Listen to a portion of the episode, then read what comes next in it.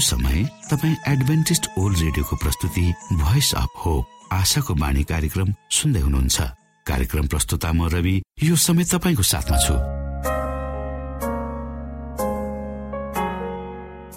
तपाईँकै आफ्नै प्रिय कार्यक्रम आशाको बाणीमा यहाँलाई हामी न्यानो स्वागत गर्दछौ। आउनु श्रोता यो मधुर भजनसँगै हामी हाम्रो मुख्य कार्यक्रम तर्फ लागौं। मलाई बचाउनु कृष्णको मायाले मलाई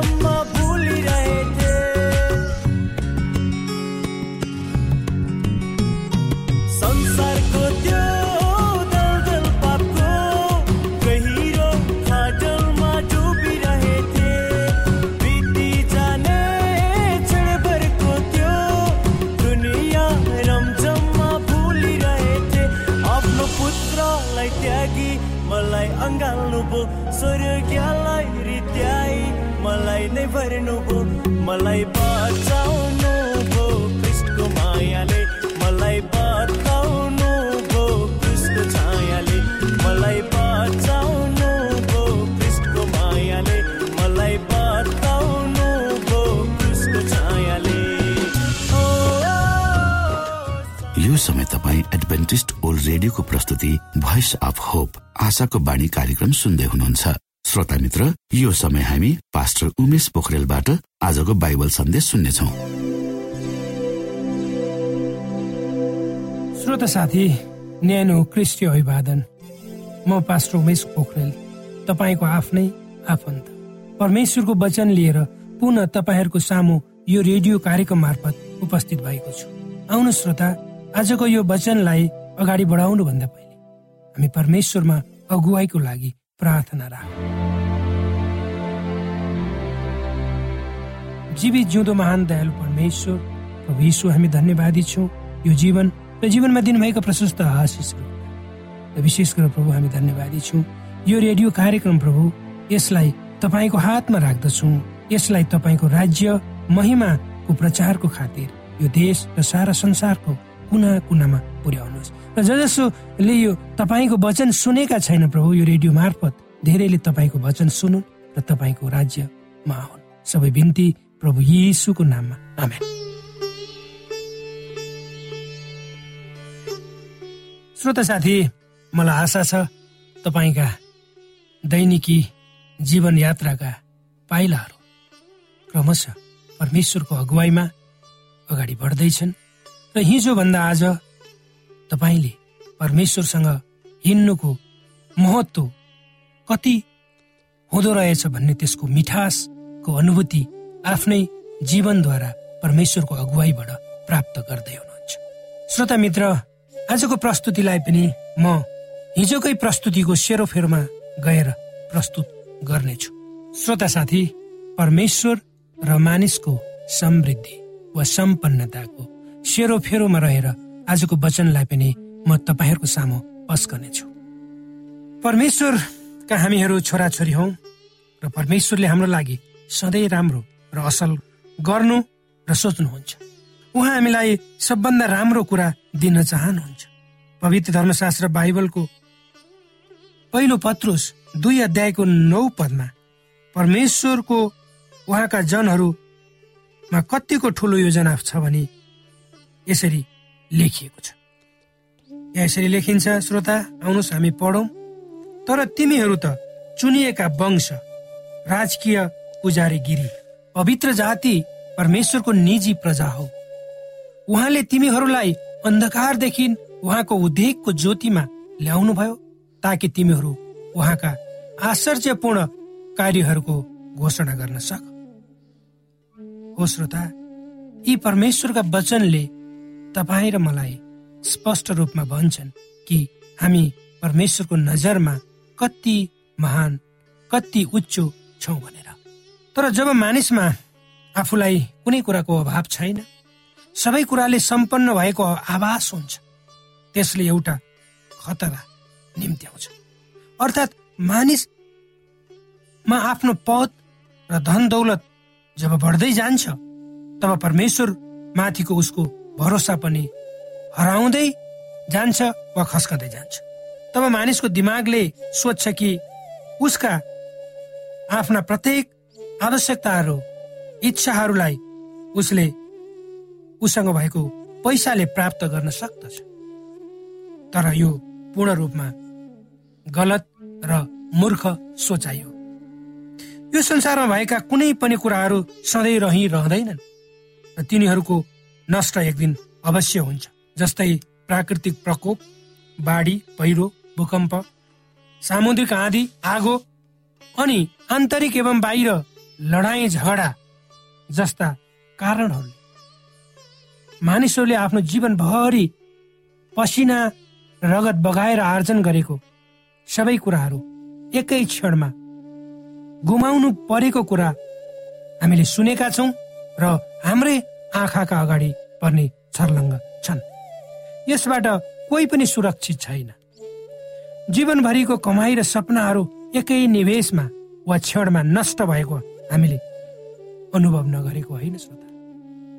हामीसँग भएका सम्पूर्ण चिजहरूको वास्तविक संरक्षण हाम्रो सृष्टिकर्ता परमेश्वर मात्र हो र उहाँले मात्र हाम्रा सबै कुराहरूको संरक्षणको जिम्मेवारी लिनुभएको छ र उहाँमा हाम्रा सबै कुराहरूको संरक्षणको ग्यारेन्टी छ न कि हामीमा? अर्थात् परमेश्वरले संसारका सबै शक्तिहरूलाई आफ्नो नियन्त्रणमा राख्न सक्नुहुन्छ राख्नु भएको छ। श्रोता हाम्रो समृद्धतालाई हामीले यदि राम्रो काममा लगायौँ भने त्यसबाट तपाईँ हामीले आशिष पाउँछौँ र यो परमेश्वरको सदिच्छा तपाईँ हामीप्रति हो। र ठुलो मान्छे जोन विस्ली भन्ने छन् उनले भन्छन् कि मानिसले जति सक्दो कमाओस् अनि जति सक्दो बचाओस् र जति सक्दो अरूलाई दियोस्। त्यही कुरा उनले सिकाएर गएका छन्। परमेश्वरका जनहरूमा समृद्धि उहाँले दिनुभएको काम प्रभावकारी रूपमा गर्नको लागि प्रयोग होस् भन्ने परमेश्वरको इच्छा हो। श्रोता मित्र आजको संसारमा मानिस जब सम्पन्न हुन्छ तब उसमा आफ्नो मात्र कुरा गर्ने आफूलाई मात्रै ठुलो सम्झने र आफूलाई मात्र सोच्ने र अरूलाई होचो देख्ने भावनाको विकास हुन्छ। त्यो नराम्रो प्रवृत्ति हाम्रो समाजमा अर्थात् त्यो नराम्रो प्रवृत्तिले हाम्रो समाजमा ज्वरो गाड्दै गएको हामीलाई आभास हुन्छ। आजसम्म संसारमा जन्मिएका मानिसहरू मध्ये सबभन्दा ज्ञानी र धनी मानिसले यसरी लेख्दछन्। जुन कुरो पवित्र धर्मशास्त्र बाइबलमा उल्लेख भएको छ म तपाईँसँग दुईटा कुरा माग्दछु। हे परमप्रभु म मर्न अघि ती मबाट इन्कार नगर्नुहोस्। असत्यता र झुटा कुरा मबाट टाढै राख्नुहोस् न त मलाई दरिद्रता न धन सम्पत्ति दिनुहोस् तर मलाई केवल दिन दिनको रोटी दिनुहोस्।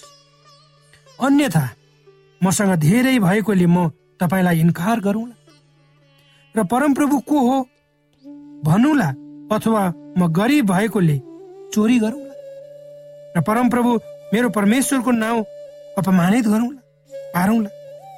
श्रोता यी परमेश्वरका वचनले तपाईँ र मलाई आफ्नो विषयमा सोच्नको लागि हाम्रो योजनाहरू हाम्रो कार्यशैलीहरूलाई परिवर्तन गर्नको लागि र हामी यो संसारमा किन छौँ त्यसको विषयमा बुझ्नको लागि सहयोग गर्दछ।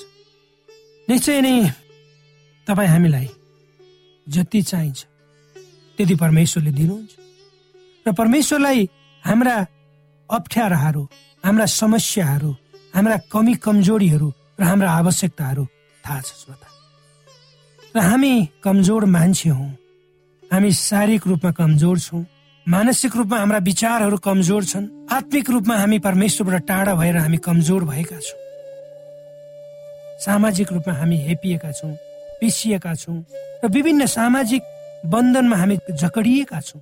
त्यति हुँदा हुँदै पनि परमेश्वरले हाम्रा समस्याहरू हाम्रा फिक्रीहरू हाम्रा चिन्ताहरू हाम्रा अप्ठ्याराहरूसँग हामीलाई कसरी जुझ्नुपर्छ र त्यसबाट हामीलाई कसरी पार लगाउनु पर्छ भनेर तपाईँ हामीलाई बाटो देखाइदिनुहुन्छ। किनभने हाम्रो परमेश्वर प्रेमिलो परमेश्वर किनकि हाम्रो परमेश्वर सदा सही परमेश्वर हुनुहुन्छ।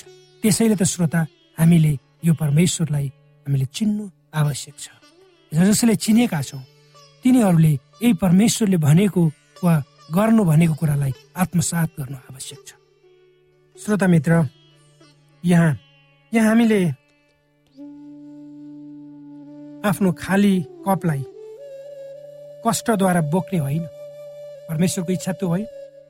तर त्यो भरिएको कप छ जुन हामीले पाएका छौँ त्यसलाई सन्तुलित रूपमा बोक्ने वा त्यसलाई सन्तुलित गर्ने कुरासँग सम्बन्धित छ। यदि यसो गर्न सकिएन भने हाम्रो आफ्नै समृद्ध हैसियत वा जीवनले हाम्रो धार्मिक जीवनलाई प्रतिनिधित्व गर्दैन र हाम्रो आफ्नै हैसियतले हाम्रो धार्मिक जीवनलाई खतरामा पार्न सक्छ। यसबाट हामी सचेत रहनुपर्छ। आज हामीले भोगेका कुरा हौ श्रोता। हाम्रै समाजमा हाम्रै घरमा हाम्रै परिवारमा हामी यस्ता मान्छेहरू छन् जसले एउटा कुरा गर्छन्। तर व्यवहारमा त्यसको ठिक उल्टो काम उनीहरूले गर्दछ। र परमेश्वरले त्यो चाहनुहुन्न। हामी जस्तो छौँ त्यस्तै रूपमा हामी परमेश्वरमा आउनुपर्छ। जब तपाईँ र म घुम्टो नहालिकन परमेश्वरमा जस्तो छौँ त्यस्तै रूपमा आयौँ भने परमेश्वरले तपाईँ र मलाई उहाँको चरित्रमा उहाँको प्रतिरूपमा दिन प्रतिदिन के गर्नुहुन्छ? परिवर्तन गर्दै जानुहुन्छ र त्यसपछि जब जति बेसी तपाईँ र म परमेश्वरको इच्छामा आफ्नो जीवनलाई समर्पित गराएर आफ्नो जीवन रूपी यात्रालाई अगाडि बढाउँछु त्यति नै रूपमा हाम्रा बोली वचन हाम्रो व्यवहार हाम्रो गराई उठाइ बसाइमा परिवर्तन हुन्छ र त्यसले परमेश्वरलाई झल्काउँछ। त्यसले परमेश्वरको प्रतिनिधित्व गर्छ।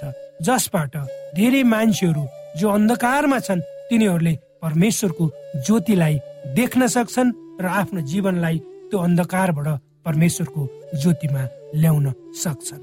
मलाई आशा छ श्रोता तपाईँले लाई यो जीवन परमेश्वरले दिनुभएको छ। यो अमूल्य जीवन हो। यो जीवन तपाईँ आफ्नो खातिर मात्र नसोच्नुहोस्। आफ्नो लागि मात्र बल्ने कोसिस नगर्नुहोस्। तर तपाईँ आफू बाँच्नुहोस् र परमेश्वरले दिनुभएका वरदानहरूलाई तपाईँले परमेश्वरको कामको लागि तपाईँले चाहिँ अरूहरूमा बाँड्नुहोस्। त्यसबाट तपाईँ आशिषित हुनुहुनेछ र त्यसबाट अरू मान्छेहरू पनि आशिषित हुनेछन् र त्यसबाट तपाईँको होइन परमेश्वरको महिमा हुनेछ। परमेश्वरले तपाईँलाई दिन प्रतिदिन उहाँको बाटोमा हिँडाउनको लागि अगुवाई गर्नुहोस्। यही मेरो प्रार्थना। श्रोता भर्खरै यहाँले पास्टर उमेश पोखरेलबाट बाइबल वचन सुन्नुभयो। यो समय तपाईँ एडभेन्टिस्ट ओल्ड रेडियोको प्रस्तुति भोइस अफ होप आशाको बाणी कार्यक्रम सुन्दै हुनुहुन्छ। कार्यक्रम सुनेर बस्नुहुने सबै श्रोतालाई हामी हाम्रो कार्यक्रममा स्वागत गर्न चाहन्छौ। श्रोता मित्र यदि तपाईँ जीवनदेखि हरेस खानु भएको छ तपाईँका जीवनमा धेरै अनुत्तरित प्रश्नहरू छन् भने आउनुहोस् हामी तपाईँलाई परमेश्वरको ज्योतिमा डोहोऱ्याउन चाहन्छौँ। तपाईँ आफ्नो जीवनका चिन्ता फिक्रीबाट निश्चिन्त हुनुहोस् र बाँच्नुको आनन्द परमेश्वरको सामिप्यमा कति मिठो हुन्छ त्यो चाख्नुहोस् भनी हामी चाहन्छौँ। श्रोता यदि तपाईँ आशाको बाणी कार्यक्रमलाई अनलाइन सुन्न चाहनुहुन्छ वा डाउनलोड गर्न चाहनुहुन्छ भने डट ओआरजीमा जानुहोस्। त्यहाँ तपाईँले प्रत्येक दिनको कार्यक्रम सुन्न र डाउनलोड गर्न सक्नुहुनेछ। हाम्रो वेब पेज यस प्रकार छ W W W dot AWR dot ORG श्रोता यदि तपाईँ हामीसित सिधै फोनमा सम्पर्क गर्न चाहनुहुन्छ भने हाम्रा नम्बरहरू यस प्रकार छन्। अन्ठानब्बे एकसाठी पचपन्न शून्य एक सय बिस अन्ठानब्बे एकसाठी पचपन्न शून्य एक सय बिस र अर्को अन्ठानब्बे अठार त्रिपन्न पन्चानब्बे पचपन्न. अन्ठानब्बे अठार त्रिपन्न पन्चानब्बे पचपन्न. श्रोत साथी न्यानो अभिवादन साथमा तपाईँको आफ्नै आफन्त उमेश पोखरेल। समसामयिक विषय लिएर तपाईँहरूको बिचमा उपस्थित भएको छु। श्रोता आजको मेरो शीर्षक छ साँचो परिवर्तन।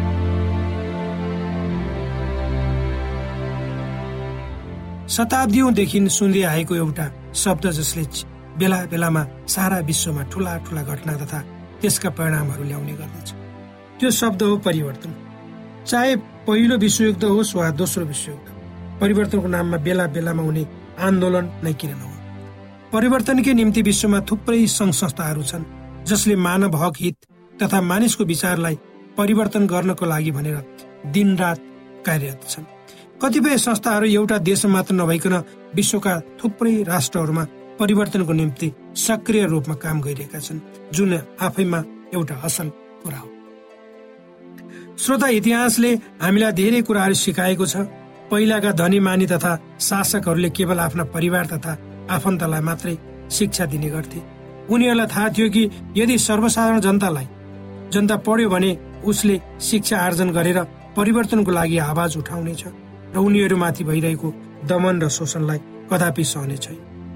त्यसैले ती शासकहरूले सर्वसाधारण जनतालाई शिक्षाको पहुँचबाट वञ्चित गराए। तर श्रोता समय परिवर्तनशील छ। समयको क्रमसँगै अब मानिसहरूले शिक्षाको महत्वलाई बुझे तब उनीहरूले शिक्षा पाउनको निम्ति ठूलो आन्दोलन तथा सङ्घर्ष गर्नु पर्यो।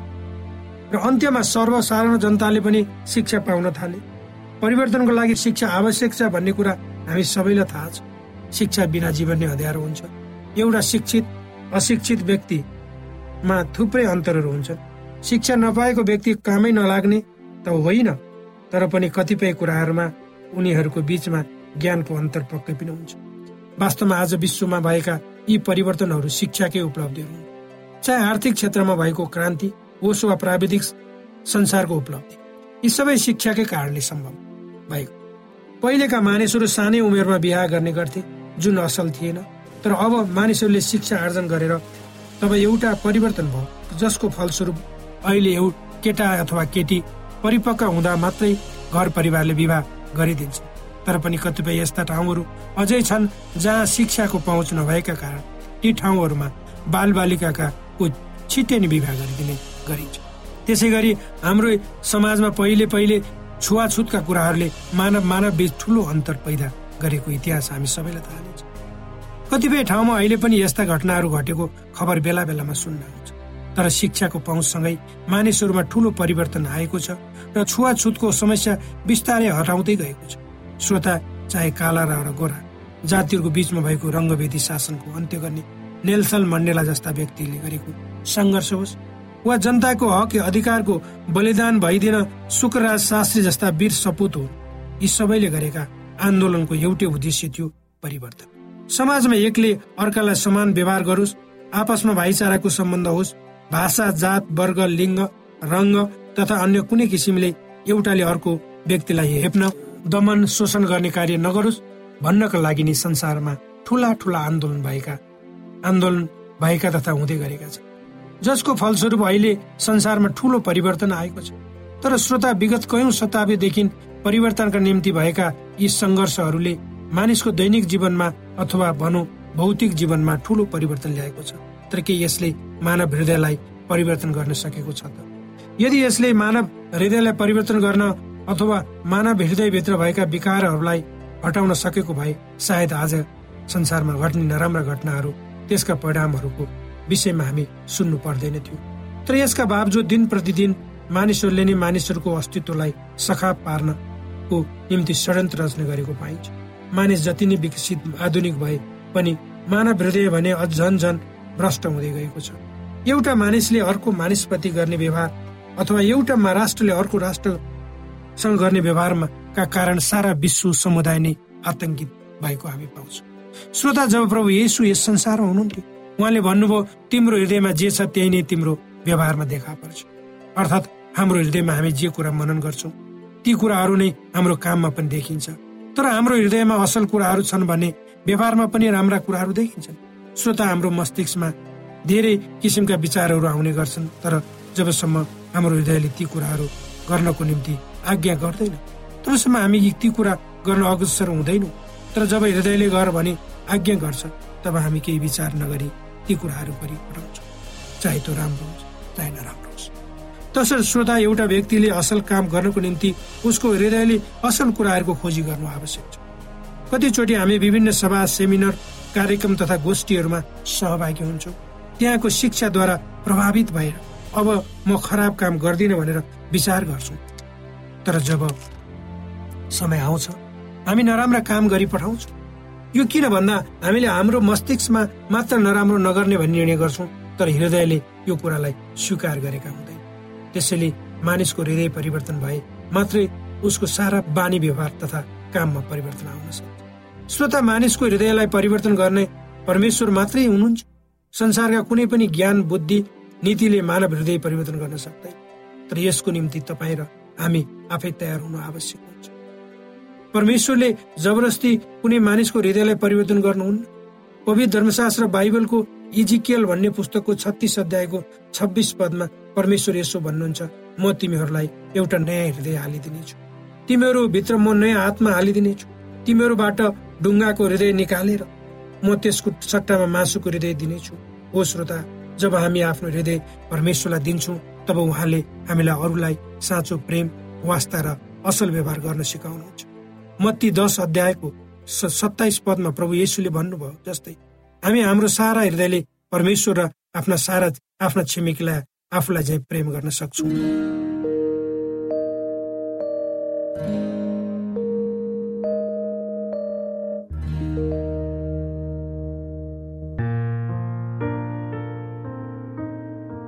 आदरणीय मित्र बाइबलले बताएको छ परमेश्वरले तीर्खाकाहरूलाई तृप्त पार्नुहुन्छ र भोकालाई उत्तम पदार्थले सन्तुष्ट पार्नुहुन्छ। हामीलाई दिइएको यो छोटो समय आशाको बाणीको प्रस्तुतिको समयमा हामीले हाम्रा श्रोताको आत्मिक भोकलाई केही मात्रामा भए तापनि सही प्रकारको खोराक पस्केर आत्मिक सन्तुष्टि दिन सकेका छौँ केही ऊर्जा थप्न सकेका छौँ भनेर हामीले आशा राखेका छौँ। आफ्ना मनमा भएका केही दुविधा र शङ्काहरू छन् भने अवश्य हामीसँग बाँडेर शङ्काको निवारण गर्नुहुनेछ।